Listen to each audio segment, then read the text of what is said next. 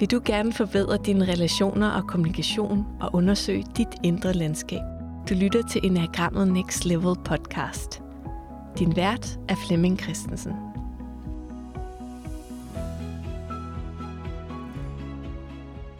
Den her episode det er den sidste af fem, hvor Flemming Christensen interviewer Flemming Enevold. Og Enevold er manuskriptforfatter og skuespiller og foredragsholder.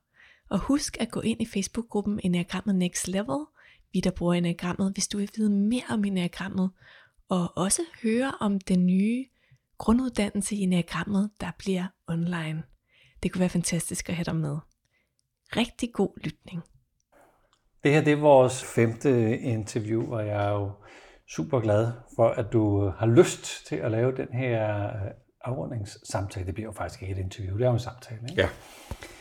Og så Flemming, vi har jo været igennem, øh, hvorfor søger vi, hvad er det, vi søger efter som menneske? Hvad er årsagen til, at vi gerne vil have et meningsfuldt liv? Hvad er et meningsfuldt liv?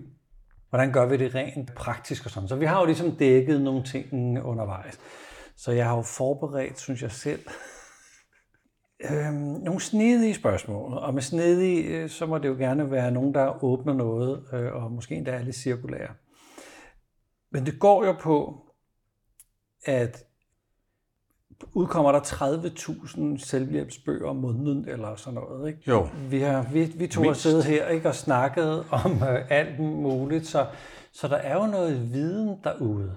Der er jo der er sikkert også erfaring, som folk kunne tappe ind i, og folk har jo hørt, at de skal motionere, der er ikke noget vand, og huske at få sovet og alt det der. Ikke? Vi er ikke i tvivl om alt det, vi burde gøre. Ikke det, der ligner. Alt ligger der. Viden ligger der. Men, men øh, før vi tændte for mikrofonen her, så nævnte du sådan lige ordet capacity, som du lige kan forklare, hvilken sammenhæng vi sad og talte om det for et lille øjeblik siden. Men, men skal folk have en, øh, en særlig kapacitet, eller et tankesæt, eller skal man have en lussing af livet, øh, for, for at man kommer i gang med det her? Altså, hvad, hvad tænker du, der skal til, for at vi begynder at udfolde os og modnes som mennesker? Altså, mange gør det, men alligevel tror jeg, når man kigger sådan, det er en ren fornemmelse, så tror jeg sådan globalt i verden lige nu, så er det trods alt et lille bitte, bitte, bitte fortal, der virkelig vil det, og virkelig gør det, og virkelig lever det. Og øh, branchen, og øh, de mange bøger og øh, kurser, hvad der nu udkommer og sådan noget, er jo det er blevet big, big business. Jeg synes, det er så interessant at følge udviklingen fra jeg sådan, jeg var ikke øh, hippie på den måde, så var jeg så alligevel, hele mit tankesæt er jo, jeg er jo fra den tid, ikke? Så jeg er jo på mange punkter hippie. Men du ved, det man kan sige i hvert fald, der var, der var nogle strømninger. En hovedstrømning var den der mere politisk bevidste oprør mod autoriteter. Og det andet, det var sådan de, de, den åndelige strømning, som kom østfra. Den havde nu været der før, men den var meget, meget kraftig på det tidspunkt. Det var så den, jeg følte mig tiltrukket af interessant at se, hvordan det pludselig i løbet af, ligesom når man dengang talte om, at vi voldbrugte overforbrugte jordens ressourcer, så bliver man altså virkelig anset for at være en tåbelig idioter, hvis mm. man var vegetar, hvad jeg var dengang. Øh, og lidt, altså, de synes simpelthen, man var fuldstændig langt ude. Ikke? Og i dag er det jo virkelig blevet vel en af verdens tre største dagsordner. Ikke? Mm. Mm. Og det samme øh, er det jo så sket den udvikling fra, fra, at det var sådan et, meget overtro, og folk var lidt lettere øh, vanvittige og romantiske og sådan noget, er det jo blevet big, big time business. Altså det er jo helt vildt, hvad virksomheder gerne vil. Så intentionen på mange planer, også for mennesker privat, den er der. Og det tror jeg er en impuls, der ikke lige stopper. Vores udfordring er nok det der, som vi snakkede om før, og som i det her tilfælde det er en munk, Thich Nhat Hanh, som jo øh, sammen med Jon Kabat-Zinn har startet mindfulness-bølgen, fordi man mente, at meditation i traditionel forstand var for krævende for det malige, øh, velstillede, øh, velfærdsvesterlandske menneske.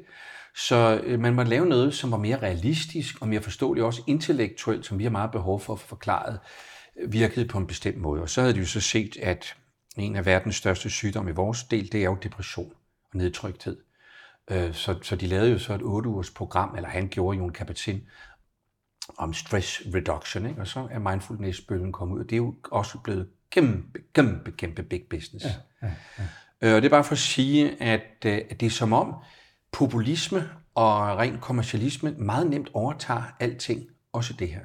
Og det tror jeg ikke, det har så godt af, fordi mm. det, det behøver ikke. Jo, det er ikke fordi, og, øh, hvis man beskæftiger sig med det og gerne vil, og gør det af et, af et virkelig rent og oprigtigt hjerte, så, så er det fint nok. Men hvis det er det, der ligesom driver det, du ved, det tror jeg simpelthen ikke, det tror jeg ikke rigtigt på, hvis jeg skal være helt ærlig. Det er jo gudskelov et område, hvor ligesom empati og, og ægte menneskekærlighed og det, øhm, det, der er ingen penge involveret. Der er ikke, der, altså, det, det er noget andet noget. Det er noget, der kommer et helt andet sted fra.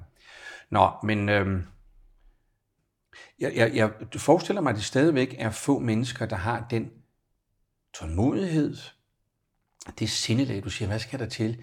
Ja, nogle gange er det jo en, en kærlig lussing måske, hvad ved jeg, i overført betydning. Ja, ja.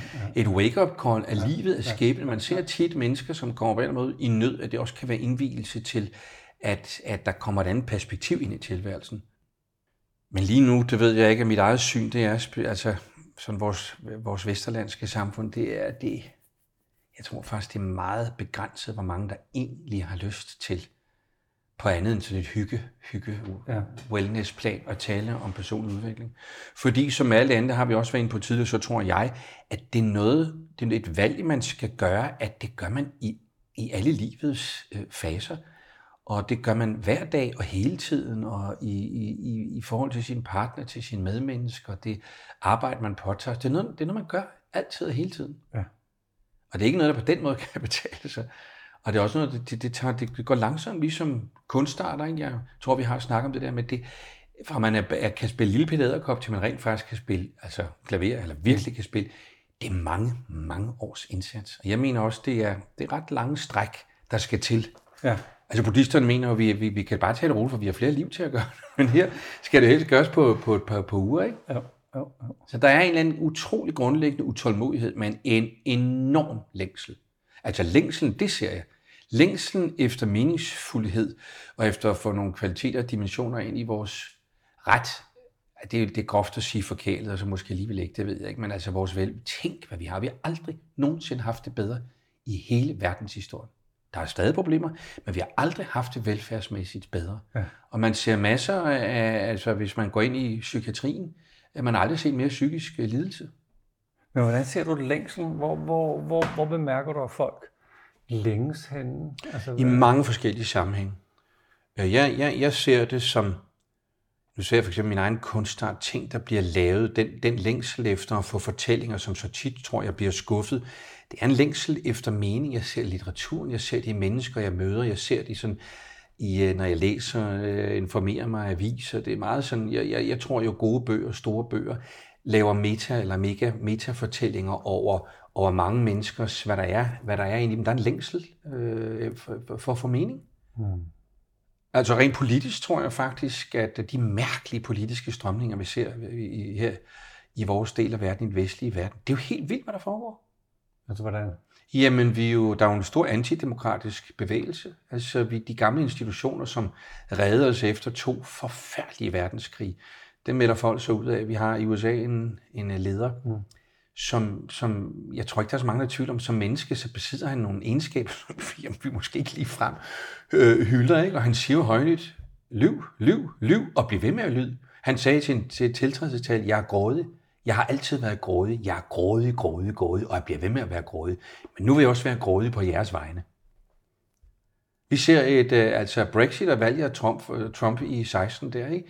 Det er på en eller anden måde for mange et skrækscenarie på en gammel orden, en, en tro på, på et liberalt samfund, hvor der også var, det var jo engang meningen, at der skulle være en åndelig velfærd, ikke kun mm. materiel mm. velfærd, ikke? Så, der, så, så inden i det, altså brudet med, skal vi sige, mm, demokratiet, inde i det ligger der en længsel. Det tror jeg. Mm.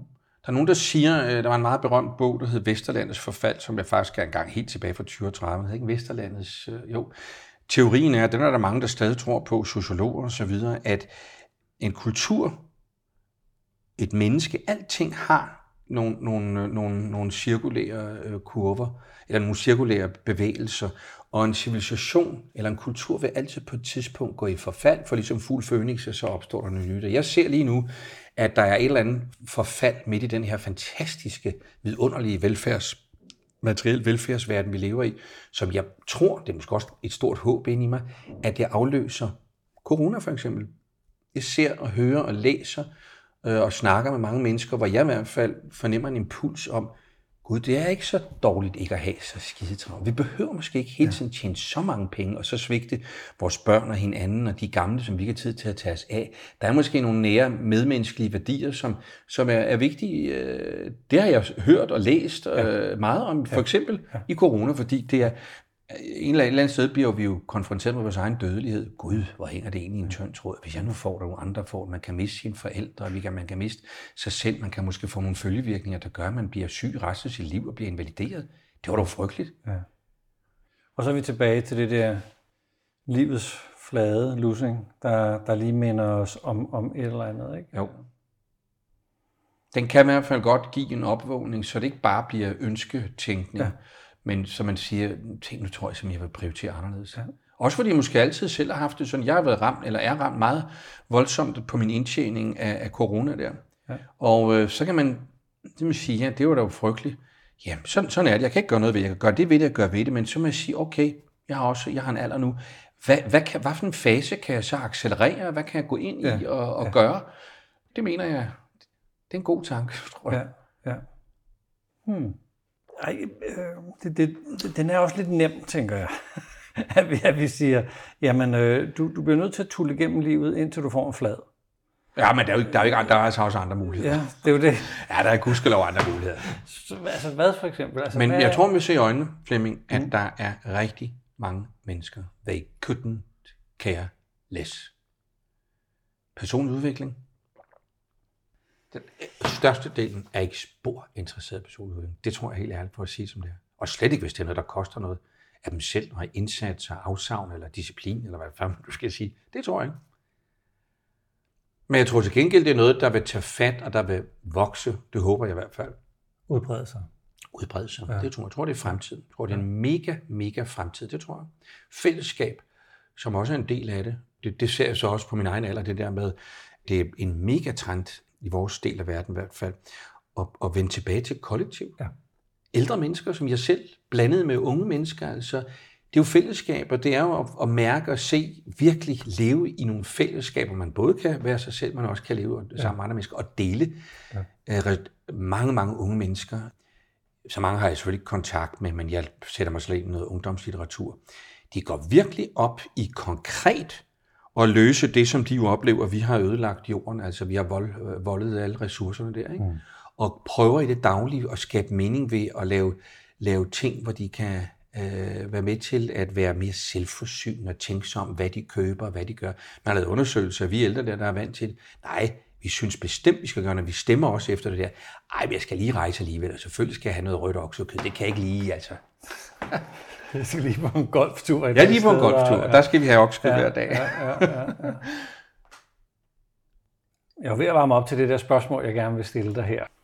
Så mange steder, når man, øh, når man læser sådan øh, øh, litteratur på engelsk, så øh, når folk skal tale om deres øh, princip, eller deres tilgang, eller deres koncept, så bruger de jo sådan en term, en approach. Det kan være en integral approach, ja. eller det kan være en, øh, en dualistisk approach, eller sådan et eller andet. Jeg ved ikke sådan lige, hvad man skal kalde det på dansk, om det er en tilgang, eller tilgang er måske det allerbedste ord, ikke? men approach, det ved jeg, nu har jeg ja. bare vendt mig til det ord. Ikke? Ja, ja. Så hvilken approach synes du, der vil være nyttig at der er meget, nu nævner du Ken, du øh, hentyder sikkert til Ken Wilber. Ja, ja. Altså hans tilgang, synes jeg jo, er, er, er, er, har i hvert fald tiltalt, det tror jeg meget på. Ja. Altså den integrale. Ja. Det ser man også rigtig, rigtig mange tendenser til, at vi skal altså ikke leve, vi lever ikke, tingene er ikke på hver deres lille ø. Det er meget vigtigt, at man befrugter og forstår ja. og, og netop ja. får ting integreret. Ja. Og hvis, hvis man ikke lige er inde i den integrale tankegang, men man hurtigt kan, kan, kan sætte ind noget helhedsorienteret, hvor kunne du ellers se, at der skulle laves en approach? Så hvis nu, at skolesystemet skulle have en approach, eller sundhedssystemet skulle have en approach, eller sådan. Altså jeg tror helt, jeg, jeg, jeg mener, ligesom du, du sagde, det var mens der var tændt for mikrofonen, hvad der var, at egentlig ved vi jo godt det hele. Vi har det hele, vi gør Ja. det bare ikke. Ja. Og noget af det, som, som jeg du siger, det, det har været afprøvet, og det er meget kontroversielt. Jeg mener, at bevidsthedstræning, hvis det blev meget mere sådan taget ud af alt det der uh, mystiske, og hvad ved jeg, blev alt dogmatik, og at det må folk selv om, for det findes jo, som jeg vist har sagt en del gange før i alle mulige traditioner. Men det der med at få øje på udvikle, det handler for mig centralt meget om bevidsthed.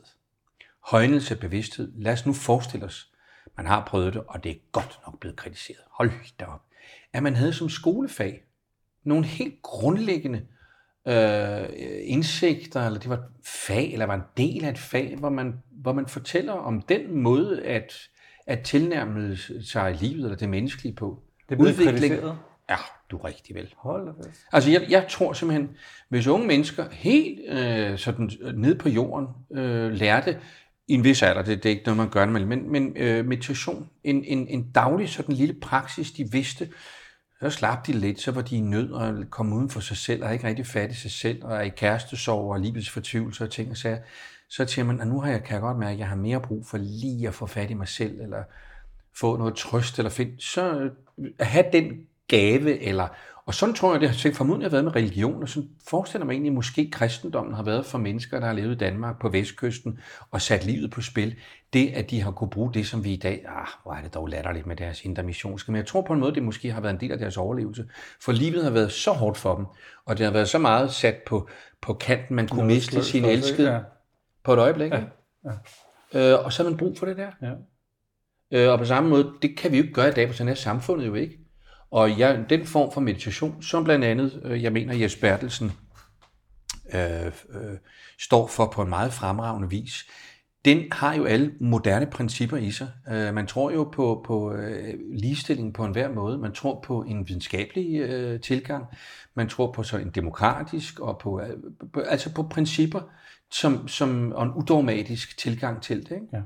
Ja. Øh, det, det tror jeg kunne gøre en kæmpe, kæmpe forskel. Jeg har også eksperimenteret med det, udover med mig selv, fordi jeg har faktisk undervist jo meget i meditationsformer, så har jeg prøvet at tilnærme det efter dem, der nu var. Og nogle gange er det jo vildt svært at komme igennem, fordi altså, vi har godt nok de vildeste, mærkværdigste forestillinger fra alle, der straks tror, de er på syvende stråle og skal lave alle mulige ting eller tang og sådan noget, og siger, ah, nu er jeg helt op. og så når der ikke sker så meget, så mister jeg lidt tålmodighed. Ja. Andre, der er meget kritiske og videnskabelige. Men, men en af mine største oplevelser, det var, at jeg i to og et halvt, måske knap tre år, var på et psykiatrisk bosted, hvor jeg lavede et projekt sammen med nogen, og, øhm, og det var efter, jeg havde taget en terapeutisk øh, uddannelse øh, i, på, på fem år, at jeg følte mig nogenlunde rustet, for jeg synes, det var, kunne være spændende at se, og jeg kendte det lederen deroppe, som man synes, det var interessant.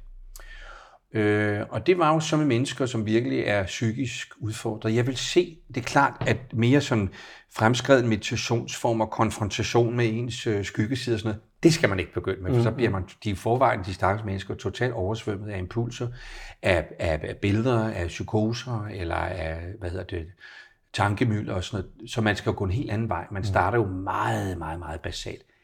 Det var en kæmpe oplevelse for mig at se, for jeg kunne mærke i løbet af kort tid, det var forbavsende, hvad det dog trods alt gav dem. Ja. Og der var nogen, der var to af dem, som var, vel, havde en form for religiøs vanvid. De ville hele tiden læse bøger om Jomfru Maria og kors og se noget og sådan noget. Ikke? Det hjalp dem bare ikke. De blev mere og mere ja. ude af sig selv og et andet sted. Men det der med at blive forankret, det er jo helt noget med krop og vejrtrækning på et meget, meget basalt ja. Plan. Ikke? Ja. Og med at kontakt med den anden. Det var jo guided øh, øh, meditationer selvfølgelig. Ja. Og dem, der så kunne, prøvede jeg at lave nogle, nogle simple bånd til, for eksempel de en gang imellem, så uddannede jeg personale derop. Øh, og det gav mig en tro på, selvom det altså rent sådan, hvad hedder sådan noget, det er jo ikke noget randomiseret, hvad hedder sådan noget videnskabeligt forsøg. Ja, veldig Men det gav dog en, en lille, synes jeg, en lille sådan fingerpeg om, Ja. hold da op. Og sådan jeg arbejdet jo med meget, meget, meget af psykisk udfordrede mennesker, når jeg spørger af interesse, ikke fordi de skal give mig ret psykiater eller andet, så synes de ryster bare på, de vil ikke engang høre om det. De vil ikke engang høre om det. Der er en fordom, og selve den der usentimentale daglige træning lærer det, det, ja, det kan vel som at spille klaver, så kan man finde ud af, at man vil være mere avanceret og gå videre med det, men, og man kan jo bare starte med at kalde det en form for mental, mental mental hygiejne. Ikke? Ja. Det behøver ikke, man skal ikke starte med det åndelige, fordi det tror jeg ikke, man skal i en vis alder. Det tror man skal, man skal ville på et senere tidspunkt. Det er også meget hårdere, og der skal man være meget integreret, efter min mening, i sin personlighed og afbalanceret på mange ledere kanter, for man for alvor begiver sig ind i det område der. Ikke? Ja. Men det tror jeg, og det er noget meget konkret. Så nu kommer, nu kommer det spørgsmål, jeg har forberedt til dig. Ikke? Øhm, øhm, hvis nu, det hvor du er i dit liv nu, af en eller anden grund, om det var staten eller en rig, mand, Med sen. sagde, her øh, har du altså en mega pose penge. Ja.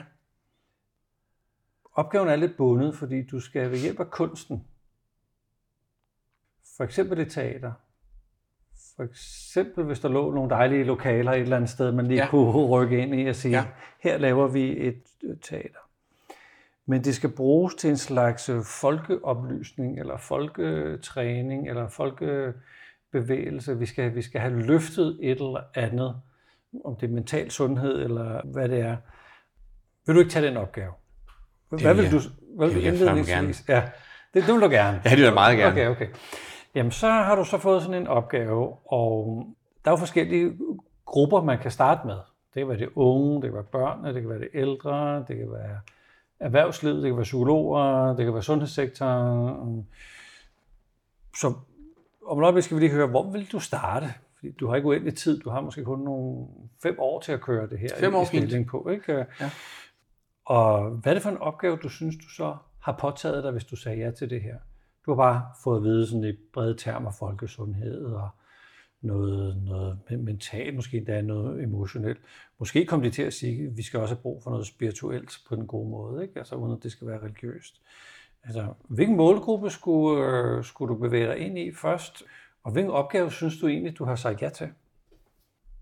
Altså rent målgruppemæssigt, så vil jeg nok sige, at jeg vil være vanvittigt glad for at kunne sammensætte den af forskellige. Altså, det skal jeg vælge en målgruppe? Nej, nej, ja. Og det er fordi, jeg tror øh, på klassisk vis, så kan man sige, at for at nå ind til det, som i øvrigt, så for mig er familie med det, jeg forstår ved åndelighed, så er det vigtigt at prøve at få fat i nogle, noget fællesmenneskeligt. Det vil sige, det er ikke noget, der absolut interesserer ledere eller øh, folk på overførselsindkomst, eller øh, nogen anden etnisk herkomst, eller kvinder eller mænd. Det er almen menneskeligt. Okay.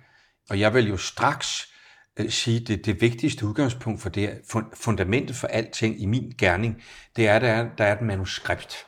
Ja. Altså, der skal være et manuskript. Ja. Det manuskript vil jeg udvikle på et basisplan med publikum, fordi som i dag er der jo ikke nogen store forfattere, det er mange, mange år, år siden, der har været, og det er mærkeligt set, det er jo ikke noget, bare jeg siger, alle er enige om. Den største forfatter nogensinde, han er fra renaissancen, han levede der i slutningen af 1500-tallet, han skrev Hamlet i øh, år 6, 1601. Det er fuldstændig fantastisk værk på alle mulige planer. Ingen har nogensinde overgået det. Og ligesom med Mozart og Beethoven siger man, hvordan fanden Bach? Hvordan kan nogen have et geni og, og gøre det der? Men det er jo sjovt så at læse det og lære af det og sige, hvorfor bliver der ikke skrevet stykker? Hvorfor bliver der ikke lavet noget et udgangspunkt? Okay, på samme, samme bare derhen af i hvert fald. Mm. Shakespeare, han øh, var en mand, der åbenbart vidste sindssygt meget om sin samtid. Og det var på et tidspunkt, hvor der var tre kæmpe store strømninger i verden. Og al hans dramatik handlede om de tre store dilemmaer, som var menneskehedens problem. Det satte han på scenen som et spejl. Okay. Menneskene skulle se sig selv, de skulle se deres dyder, de skulle se deres egen ondskab, de skulle se, øh, hvem de egentlig var ved at få den spejling, som teateret er. Ikke? Ja. Så på den måde, så vil jeg have en, øh, masse specialister ind og sige, hvad er de tre vigtige piller, mm. som er udfordringen for vores samfund i dag?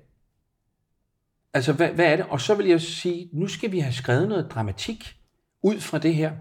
Så vil jeg så i øvrigt, øh, som sagt, vil jeg gerne spille for et publikum, som var meget bredt. Ja. Så vil jeg lave hele processen, hvor jeg vil gerne arbejde med de der mennesker, alt fra skuespillere til folk. Jeg vil vælge folk, der virkelig var med på det her eksperiment. Og så vil jeg sige til dem, vi skal træne noget bevidsthedstræning, alle sammen. Under prøver, efter prøver. Vi skal prøve at lade det komme et andet sted fra, fordi der, hvor det virkelig rykker, hvis man skal ramme det, jeg i hvert fald opfatter som det almindelige menneskelige, så skal det komme et andet sted fra. Det skal ikke komme kun af overlevelse. Jeg kan godt forstå, at vi har alle sammen brug for at tjene penge. Hvis det kun kommer for at tjene penge, for at være smart, eller for at være berømt, eller prøv at se mig, hvor fantastisk jeg er, eller alle mulige andre steder, Det går ikke. Mm. Hvis det kommer fra det sted, hvor kunsten springer, mm. som er meget nær i forbindelse med åndelighed, så tror man rammer med noget. Det er uanset, hvad vi gør her i verden. Hvis vi kan komme til i, på den måde, vi nu kan, og trække noget fra den kilde, så, så rammer vi noget.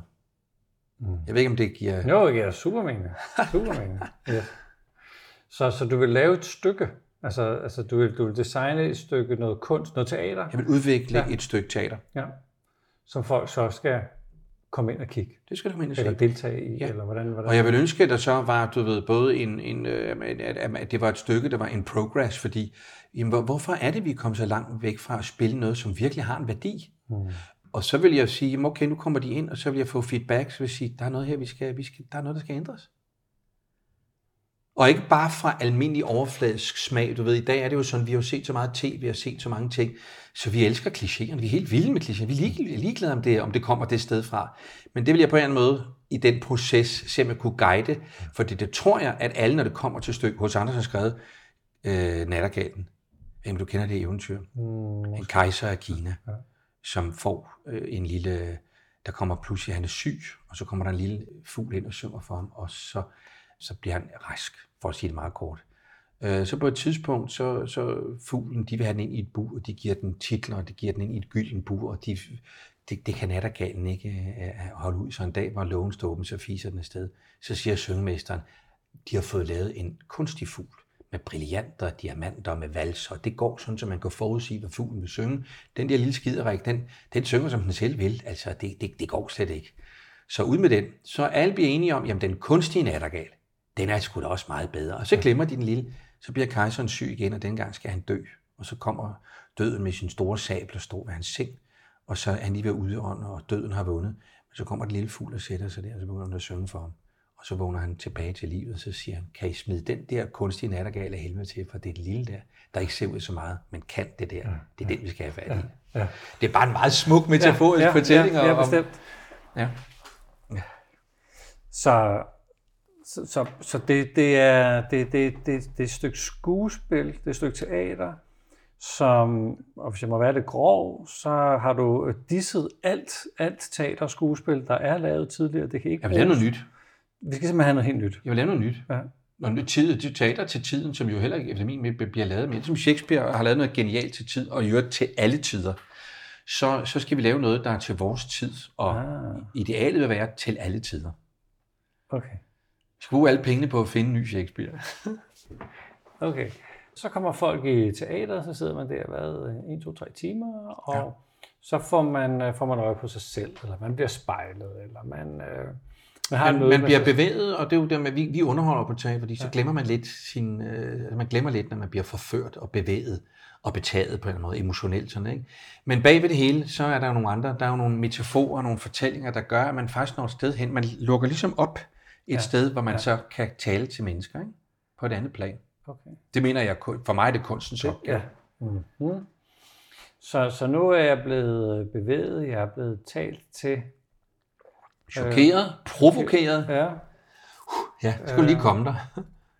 Så vil jeg lade dem gå hjem, og så vil jeg sige, nu kommer I her om nogle dage, når I har sunket det hele.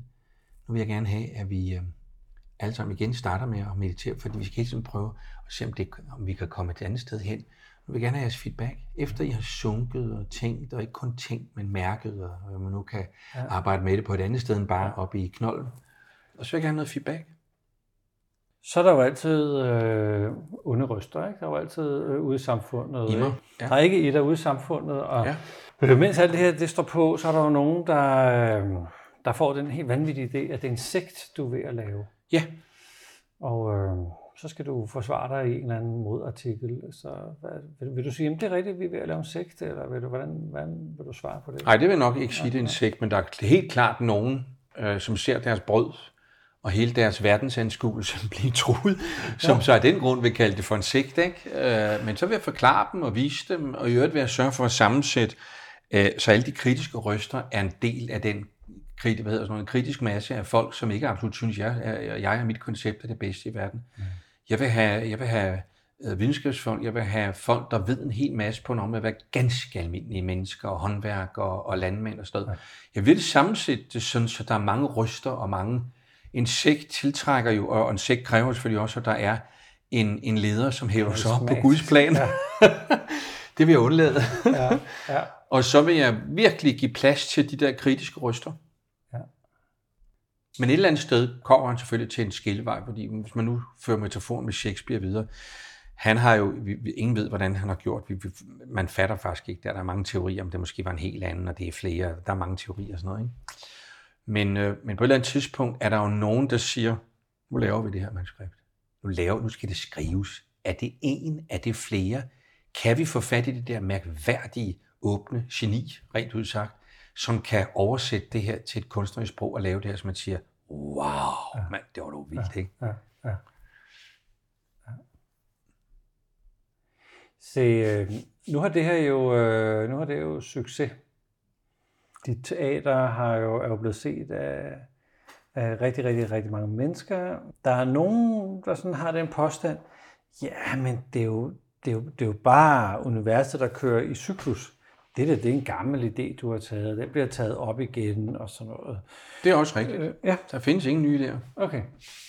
Så, Det er bare at grave ned i det autentiske. Det opstår i forskellige kulturer til forskellige tidspunkter. Det her, det mener jeg. Mener ikke, man på den måde kan opføre nyt, en ny form, en ny iklædning, nogle nye, som passer til den tid, vi er. Men noget nyt, det er en illusion, det der med, at alting skal være så nyt og så anderledes. Øh, jo, altså tøjet, ligesom moden, altså måden vi ser ud, vi, hvis vi lige kunne se os sidde her for, for 600 år siden, så tak skal du have, ja. vil man så sige. Ikke? Men de, de, øh, kernen i de menneskelige problemer, det mener jeg simpelthen stort set er det samme. Så kernen i problemerne, kernen i samtalen, kernen i, at Nej, altså samtalen vil også se anderledes ud, men Okay. den inderste kerne i det eksistentielle vilkår ved at være menneske på jorden, der, jeg tror, der er noget almen menneskeligt til alle tider, som altid har været der. Det tror jeg. hvad er det måden for dig? Øhm, Jeg er undrende over, hvem jeg selv er, eller hvad er liv og hvad er død. Er det, er det sådan noget, du tænker på? Eller? Ja, det er, jo, det er et formuleret spørgsmål, som rigtig mange mennesker, måske, og måske faktisk i nogle tider i fortiden, meget mere end vi gør i dag. Hvis man tager det gamle Grækenland, tager renaissance, man tager romantikken i Norden og sådan noget, så har de der spørgsmål jo været meget mere altså, sagt i det offentlige og udfordret øh, over for sig selv. Som i dag taler vi bare om det på en helt, helt anden måde. Ja, hvad er det, du siger? Altså, hvad er det, det evigt Altså, man, det, man, man kan jo ikke øh, give det tøj sprogligt sprogligt iklædning, uden man banaliserer det på en eller anden måde, vel? Men, men man kan godt sige, i min opfattelse i hvert fald, at vi er her en grund. Der er en forædlings, eller hvad søren man nu skal sige, hvad for en tradition at gå i. Der er en eller anden form for, i den, jeg har vist sagt det før, i den gamle kristne tradition, i alle salmerne står der noget med, at han sidder ved smeltedilen.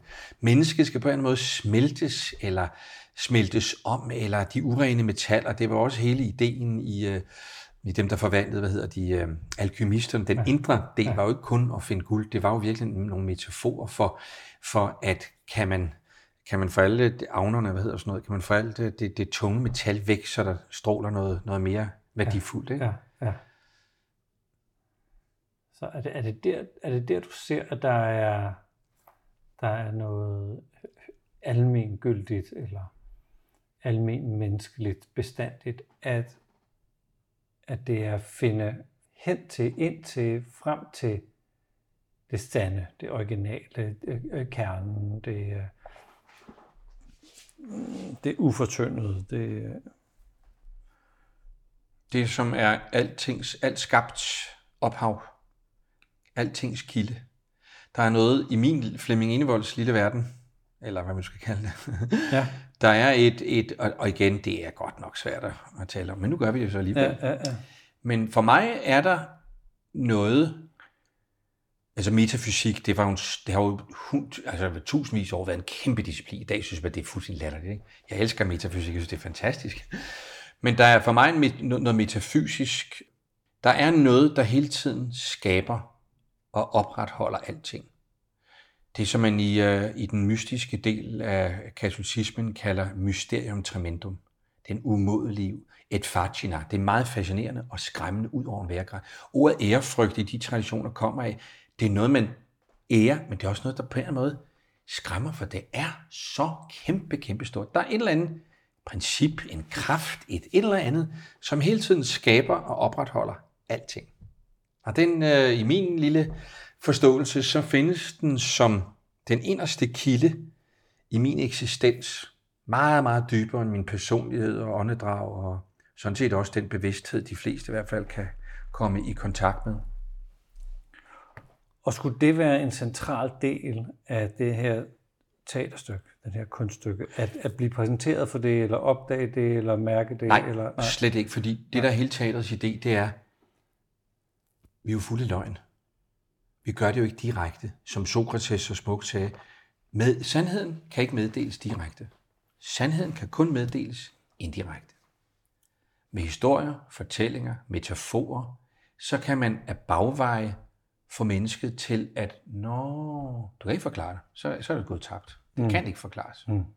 Men, men det kan meddeles indirekte. Der har kunsten en mission, den kan, den kan, den kan give nogle minder. Der er nogen, der siger om, om musik, at det er portene ind til himmeriget, der, der, det er hængserne, der knirker. Det er musik.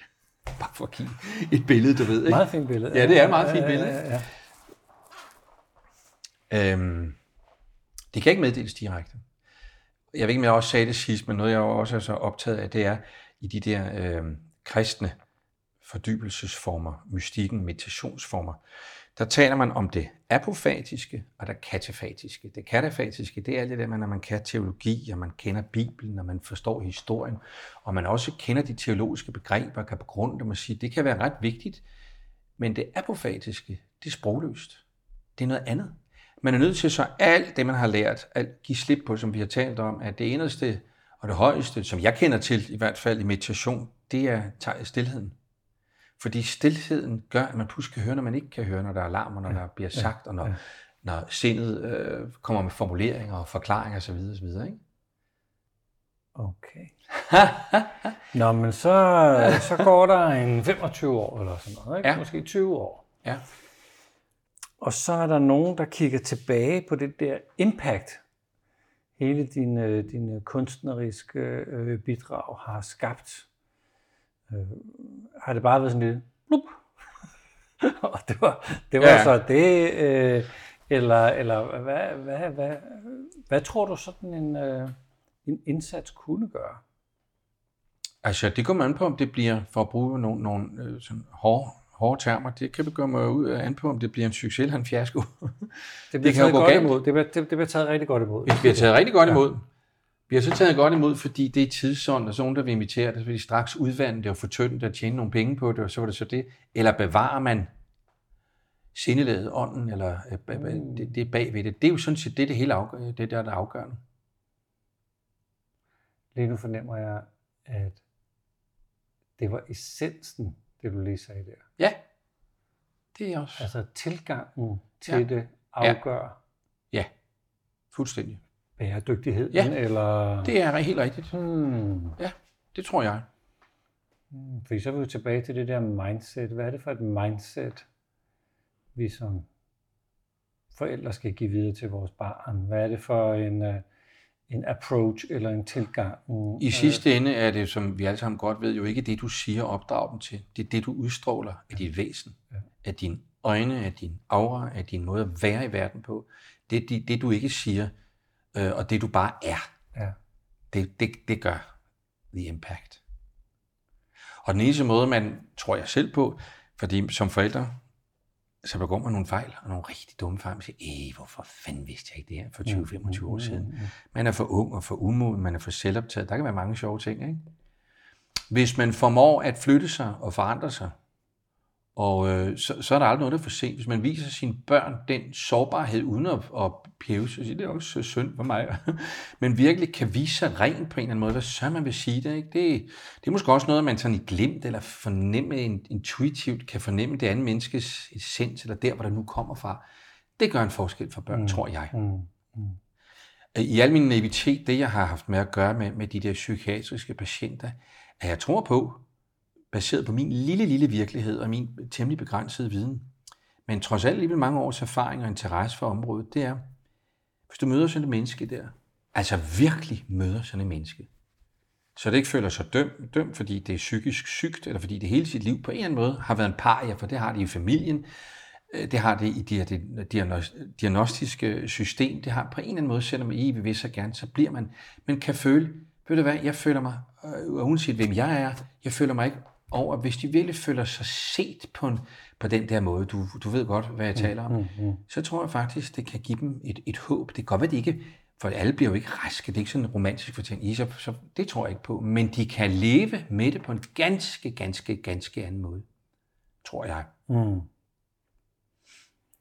Så man kan sige, der er jo, der er jo nogle, øh, der er, man, man kunne sætte nogle små rammer op omkring den her kunst, kunsttilgang, du nu lige pludselig fik en masse penge til at, at udleve. Ja.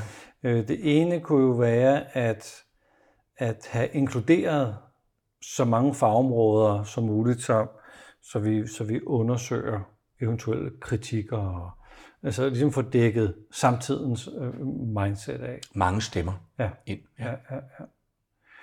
Så er der det her med at, at arbejde på, at det ikke bliver udvandet. Ja. Finde en form. Hvordan, hvordan hulen kunne man, øh, kunne man gøre det, uden at skulle regulere det og lovgive det og copyright og sådan noget? Ikke? Man kan håbe på, at de mennesker, som måske man har om sig, som har lyst til at træne, det er, jeg tror, at det der med bevidsthedstræningen er vigtigt, fordi hvis man uden, altså ikke bare taler om det, men rent faktisk i ens samvær, i den træning, i den for det, det er ikke noget, man bare kan tale om. Jeg tror, noget man skal gøre, eller noget man skal mm. træne, mm. kan mærke det sted der, så man siger, nå, for, nå ja, nå ja. Så, øh, så er der en chance for det der, som berømt, øh, jeg tror det var Bruckner, eller en stor berømt komponist, jeg tror det var Bruckner, han sagde, at uh, traditionen skal vi passe på, at vi ikke, at vi ikke tilbeder asken, men at vi vedligeholder ilden. Og det er det allersværeste for, for noget stort. Ikke? Det forfalder på en eller anden måde hele tiden. Ikke? Ja. Og hvis der er en person, der har lyst i et centrum, så bliver det på en eller anden måde udvandet af dem, der overtager det. Bliver, jeg ved ikke, hvorfor ja. det altid skal være sådan. Sådan er vi mennesker åbenbart. Ja, ja, ja. Men, men jo flere, der har, hvis vi nu tager, uden er noget med det at gøre, nu tager vi, jeg ved ikke, om det så er lykkes, men, men øh, det er i hvert fald den, den største og mest populære fortælling i vores kulturkreds og i hele verden, det kan vi ikke modsige, det er, er hvad hedder det, kristendommens fortælling. Der er ikke nogen mere berømt person. Der er ikke flere, altså det er dem, der er flest af trods alt i verden. Det er kristne. Hvorfor? Det er da egentlig underligt, ikke? Ja. Men der findes jo så også utrolig mange sandheder omkring den. det er sådan, og han gjorde så det, at han prøvede jo at, at komme i kontakt med en masse mennesker, og han havde nogle disciple, som så nogle ting. I dem, at dem var der så kun to, tre, fire stykker, som var i hans inderkreds. Nogle var længere ude, og herude der var Judas, så, som også kunne være den. Han havde alle de der forskellige typer, også ja. dem, der ville svigte ham. Ikke? Øh, og de bar det så videre, og alligevel er det selvfølgelig blevet udvandet, men det står stadig som et eller andet ubegribeligt. Hvad fanden er det der for noget? Hvordan har det har præget vores samfund? Også alle, der ikke er kristne. Det gennemsyrer vores samfund. Ja. På godt og på ondt. Ikke? Ja, ja, ja, ja. Og den sidste ting, du kom ind på, som, øh, som, som kun den kunstneriske tilgang skulle håndtere, det var, at mennesket, udover at det skulle se sig selv og, og få noget, øh, altså blive selv spejlet. Men så skal det også blive set. Altså set og hørt og mødt. Øh, det skal jeg forstå. Ja, altså... Så hvis... Jamen, hvis du ser sådan et, et stykke der, ja. som jeg forestiller mig, ja. Så oplever du, at du bliver set og hørt. Det handler om dig. Det er det, der er fantastisk ved kunst, hvis du spørger mig. Det er, ja, vi ser noget, der spejler os, men grunden til, at vi bliver tiltrukket og bliver opløftet og vrede og underlige og tænksomme og fortvivlet, det er fordi, vi ser os selv, og vi føler, at vi bliver set. Okay. Det spejler på, på både den ene og den anden vej. Ikke? Okay. Det er bare så sjældent. Ej, men det findes. Ja. Det findes. Ligesom stor kunst. Altså, det, det, jeg, jeg har jo den opfattelse også, alt hvad jeg selv har lavet, altså 98 procent af alt, hvad jeg har lavet, det har ikke en skid med kunst at gøre. Jeg er gerne ville. Måske har 2 procent. Og jeg har ikke været i tvivl om det. Jeg tror sgu heller ikke, publikum har været i tvivl om det. Linda siger det samme når man tænker på sådan store kunstnere, jeg har mødt og set i udlandet og hjemme, altså kunstnere, det er altså, altså og der, der er ikke noget sådan romantisk eller mærkeligt i det, det er, det, det, det er, det er mærkeligt, hvad der, der foregår. Mm. Og så er jo tit, så er det jo ikke mennesker, der hverken er troende eller forstår, nogen af dem. Det kan også være lidt gennemsyret af, af misbrug og alkohol og sådan noget. Og pludselig kan det generere, når man siger, hvad fanden er det der, hvor kommer det der fra? Mm. De kan løfte mennesker og en stemning og give en indsigt. Altså, hun falder mig bare ind i hovedet. Edith Piaf. Godt nok en stor kunst, vi så for den der. Jeg er ikke den store opera freak, og jeg bryder mig ikke særlig meget om, om, om øh, jeg er ikke så god til sopraner. Det er lidt for, Men, men øh, hvad hedder hende, der blev gift med Onassis, hvad hedder hun? Øh, åh, så en kaste diva, som man tror, det er løgn. Hvad hedder hun? Ah, hold nu op. Hun regnes også for mange af at være verdens største operasanger i sopran. Det, det er simpelthen ufatteligt, hvad det er, hun laver. Og jeg har mødt masser af mennesker, som ikke interesserer sig en smule for klassisk, klassisk musik og sådan noget, som, som bliver, jamen de græder, de bliver bevæget, de bliver, de tænker, hvad er det der, der foregår? Det er måske de hængster, der lige står over. I don't know. Okay. Så nu er vi sådan øh, ved at runde lidt af her. øhm, Gud, jeg synes lige, vi er begyndt. Ja, I know. Sådan er det jo hver gang. Nu har jeg jo sat et lille scenarie op for dig, og vi har været inde i faktisk kun- kunstens betydning.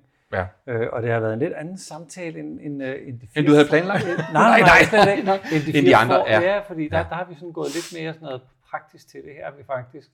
Jeg har fået, og dem, der sidder og lytter på her, har jo fået, synes jeg, et, øh, et fantastisk kig ind i kunstens betydning. Ja, for mig, fordi det er jo ikke den fremherskende opfattelse af kunst. Ja, ja. Så hvad tænker du, at samspillet egentlig er mellem kunsten og det, der måske er vores overskrift her, personlig udvikling? Er, er der et samspil? Øh, Har der været et stort samspil? Er, vi, er de hægtet fra hinanden, de to? Ja. Skal de mødes igen? Ja, Altså, hvad kunst, videnskab, religion, de er blevet adskilt. Øh, og religion har jo traditionelt i de gamle øh, filosofi for den sags skyld, det har jo været der, hvor man sådan har er blevet øh, påvirket på en eller anden måde, og kunsten har haft en helt anden samfundsmæssig betydning, tror jeg, både mm. det skrevne og også den, den levende kunst, der bliver opført på dengang scener, men i dag selvfølgelig også på film. Ikke? Ja, de er blevet adskilt, og så er der det lidt sørgeligt, kan man sige, der er udfordrende for sådan som mig i hvert fald, at øh, postmodernismen er jo blandt andet, øh, er, er, er alle enige om, betegnet ved, at det er små historier. Det er små, bitte historier. Mens det klassiske, det er store historier. Det handler om det almen menneske. Det handler om os mennesker. Og det er sådan dybt grundmenneskelige. I dag handler det om, "Nå, det er lige min lille verden, og min sygdom, og min lille selvspejling, og mig og min verden, og min far og mor, og alt det, jeg nu. Det er mig, mig, mig, mig, mig, mig, mig. Okay. Er der en lille undertone af noget savn, savn ja. Ja. efter de store, ja, Ja. de, de store, Ja, ja, de store fortællinger. Og det gælder også, altså for eksempel inden for, for film, øh, der bliver lavet nogen, men det er en mærkelig tid. Altså jeg synes jo, det er selvfølgelig også fordi, det er min ungdom, men der, nogle af de store øh, Hollywood-film, de var jo både populære, og så var der også progressiv kunst på samme tid. Mm. Jeg synes jo, en film som Godfather for eksempel, den beskriver jo et samfund, som er pil rådent, for at sige det rent ud, ja. pakket ind i en fantastisk fortælling. Ja. Deer Hunter fortæller os om den der Vietnamkrig, ja. som jeg øh, stadig husker som med stor gru, fordi jeg var ung på det tidspunkt, eller det, det vil jeg også gøre i dag, men fortæller i kunstnerisk form om noget, ja. som virkelig angår os sammen og sætter spørgsmålstegn på en god måde. Og der var man altså rose USA, fordi de har jo altid øh, belønnet deres store kunstnere, der har kritiseret deres frygtelige form. Det er så i øvrigt forsvundet lige nu. Det, er, det klæder en, en, en hvilken som helst land, at dem, der har en, en øh, hvad hedder det, modfortælling til den fortælling, som magthavere og flertallet gerne vil fortælle, er der nogle, nogle modfortællinger. Ja. Sådan er det sgu ikke i dag. Ja, ja, ja. At man så ligefrem hylder dem, der kommer med de modfortællinger, ikke? for at berige, fordi det gælder jo også inde i os selv. Hvis ikke vi hele tiden, øh, efter mine begreber, er bevidste om skyggen, og lige, at vi lige har den opmærksomhed, eller om, om de ting inde i os ja. selv, som gør, at vi går over gevind, eller vi lige sådan og sådan, den selvregulering, som er svær. Den har skal et samfund jo også helst have, ikke? Altså, og jeg ved slet ikke, om der er noget på sig, men jeg har sådan en fornemmelse af, at, øh, at der lige pludselig også er dukket sådan nogle øh, jungianske øh, fortællinger op og arketyper i vores samtale her. Altså det der med at det se, kan sig, se sig selv gennem øh, historien, Ja. fortællingen, Jo. måske endda sågar drømmen. Ikke? Og det var noget, Jung han fremdrog Ja, ja, rigtig, rigtig ja, meget. Ja. Jo. At det, det, der ligesom sætter sig i bevægelse i mig, når du fortæller Ja, men det om, om øh, at det skulle så være et teaterstykke, Ja. og at noget, noget altså, Det kan du også sige, det arketypiske, som, som det også er hos Shakespeare. Der skal være nogle arketyper. ja, Og der skal være et metaforisk sprog. Det skal ikke være sådan et dagligt sprog, hvor, nå for helvede mand, det gider jeg kraftedet med. ikke. Ja, ja, fuck dig mand. Altså, det, det kan være fint nok i nogle ja. sammenhæng, men der er også et andet sprog, som, som, som øh, det er jo det, jeg synes er et kunstsprog i min genre. Det er det er på en måde et forhøjet sprog, og nogen synes, det er et kunstigt sprog. Det synes jeg så ikke. Det er fordi, det bærer en masse fortællinger, metaforer, arketypiske lag, ligesom mm. i drømme. Mm. Og du ved, det bliver, det bliver noget med chef. Det var dog, det bliver, det bliver spændende på et andet plan, ikke? Ja, nu slår det pludselig ned i mig, hende jeg talte om før, fordi det er jo min, en af mine yndlingskunstnere i denne verden, Maria Callas hedder hun. Aha, aha.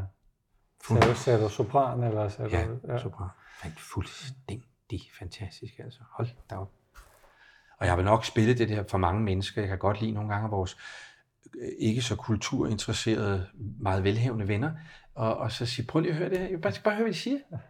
De bliver helt stille. De bliver virkelig ramt ja, af det der. Ja. Og det er jo fordi de er Det er, fordi hun synger det på en måde, så det går altså bare lige ind i sjælen, det der, ikke? Nå, det var et sidespring. Fantastisk. Men nu er vi jo sådan ved at runde af. Ja. Og det er, det er i denne omgang i hvert fald øh, den sidste, det er den femte, det er den sidste af fem her. Ja. Og det er jo ikke altid, man skal komme med godt råd. Det er jo ikke altid, at man skal pege i en øh, retning. Det er jo ikke altid, at man skal sætte, sætte en, en rejse øh, op for folk. Men nu skal vi det. Okay, det skal vi simpelthen, ja.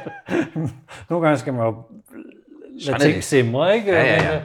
Men, men, men det, så kan man bare slukke nu for vores lille interview, ja. ikke? så kan ting stå og simre. Hvis, hvis folk skulle begynde at gøre noget mere, hvis man sidder her og lytter og tænker, det her det lyder spændende, der, det, det, jeg vil da gerne gøre noget af det her, hvad det så end betyder. Hvordan kunne jeg så stille og roligt komme i gang med noget, hvor jeg, hvor jeg kommer hen i mødet med mig selv, hvor jeg opdager mig selv, hvor jeg hmm, måske lige bliver ramt af et eller andet. Der, der er nogle hængsler, der står og, og, og inviterer til noget. Hvad, hvad vil din... Øh, du har også fået børnebørn og sådan, ikke?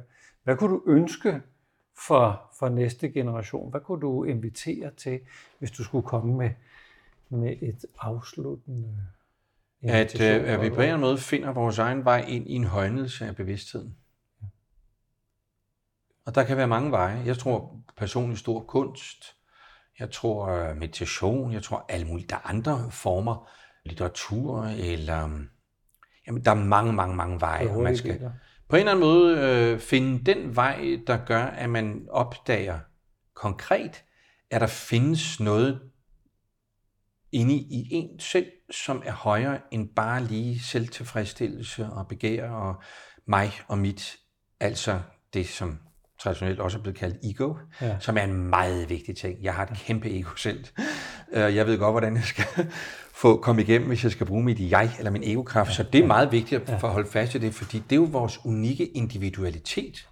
Men at opdage og finde sin vej i, hvordan man konkret opdager at komme i kontakt med det, som er meget, meget større end det. Ja. Så ser og mærker man også andre mennesker, ser og interesserer sig for andre ting i verden, for det går ikke bare kun mig selv, men det går hele tiden ud over. Hvis rigtig tilstrækkeligt mange mennesker gør det, så tror jeg ligesom, det er det som mærkelige fænomen, man kalder morfisk resonans, som betyder, at hvis nogle, hvis nogle øh, dyr, øh, nogle, sådan nogle primater, hvad hedder de, nogle, nogle øh, store orangutanger og sådan noget, finder på for mange hundrede år siden, at og nu skal vi, kan vi da bruge sådan et redskab til at slå hul på en kokosnød, skal få noget at drikke. Så sker det alle mulige steder. Når de første har gjort det, så kommer det alle mulige steder. Det er godt nok mærkeligt. Ja. Det er der mange øh, videnskabsmænd, der har, øh, eller dengang man kryst, ikke krystalliserede, man fik det der inde i termometer, hvad hedder det, kviksøl, til at gå i fast form, ikke hvad det hedder sådan noget. Det har man eksperimenteret med i mange, mange, mange øh, steder rundt omkring i verden i fine laboratorier. Så sker det ved et tilfælde på en togrejse til Schweiz, hvor det ligger i noget, måske på grund af kulde, og pludselig gør det det, hvad hedder det, jeg ikke kan huske det, altså når det omdanner sig, samler sig og bliver til fast form. Og i, øh, i, i tiden efter, så sker det alle mulige andre steder, hvor de har eksperimenteret med i lang tid. Morfisk resonans. Sådan vil jeg tro. Sådan tror jeg på, det er, hvis der er en kritisk masse af menneskeheden, som åbner sig eller finder deres vej fra det felt, højner bevidstheden, så vil det påvirke alt. Så vil det påvirke menneskeheden. Ja, tror jeg. Og en, og en væsentlig del af det, du siger, det er, at man finder sin egen vej. Man skal finde sin egen vej. Ja. Er det ikke et super fint sted at slutte? Meget fint. At, at finde sin egen vej. Det skal altså, finde sin egen vej. Der ligger ligesom i det, at der er en vej. Der er en vej. Tak, Flemming. Selv tak. Det er altid en mega fornøjelse. I lige måde. Tak skal du have.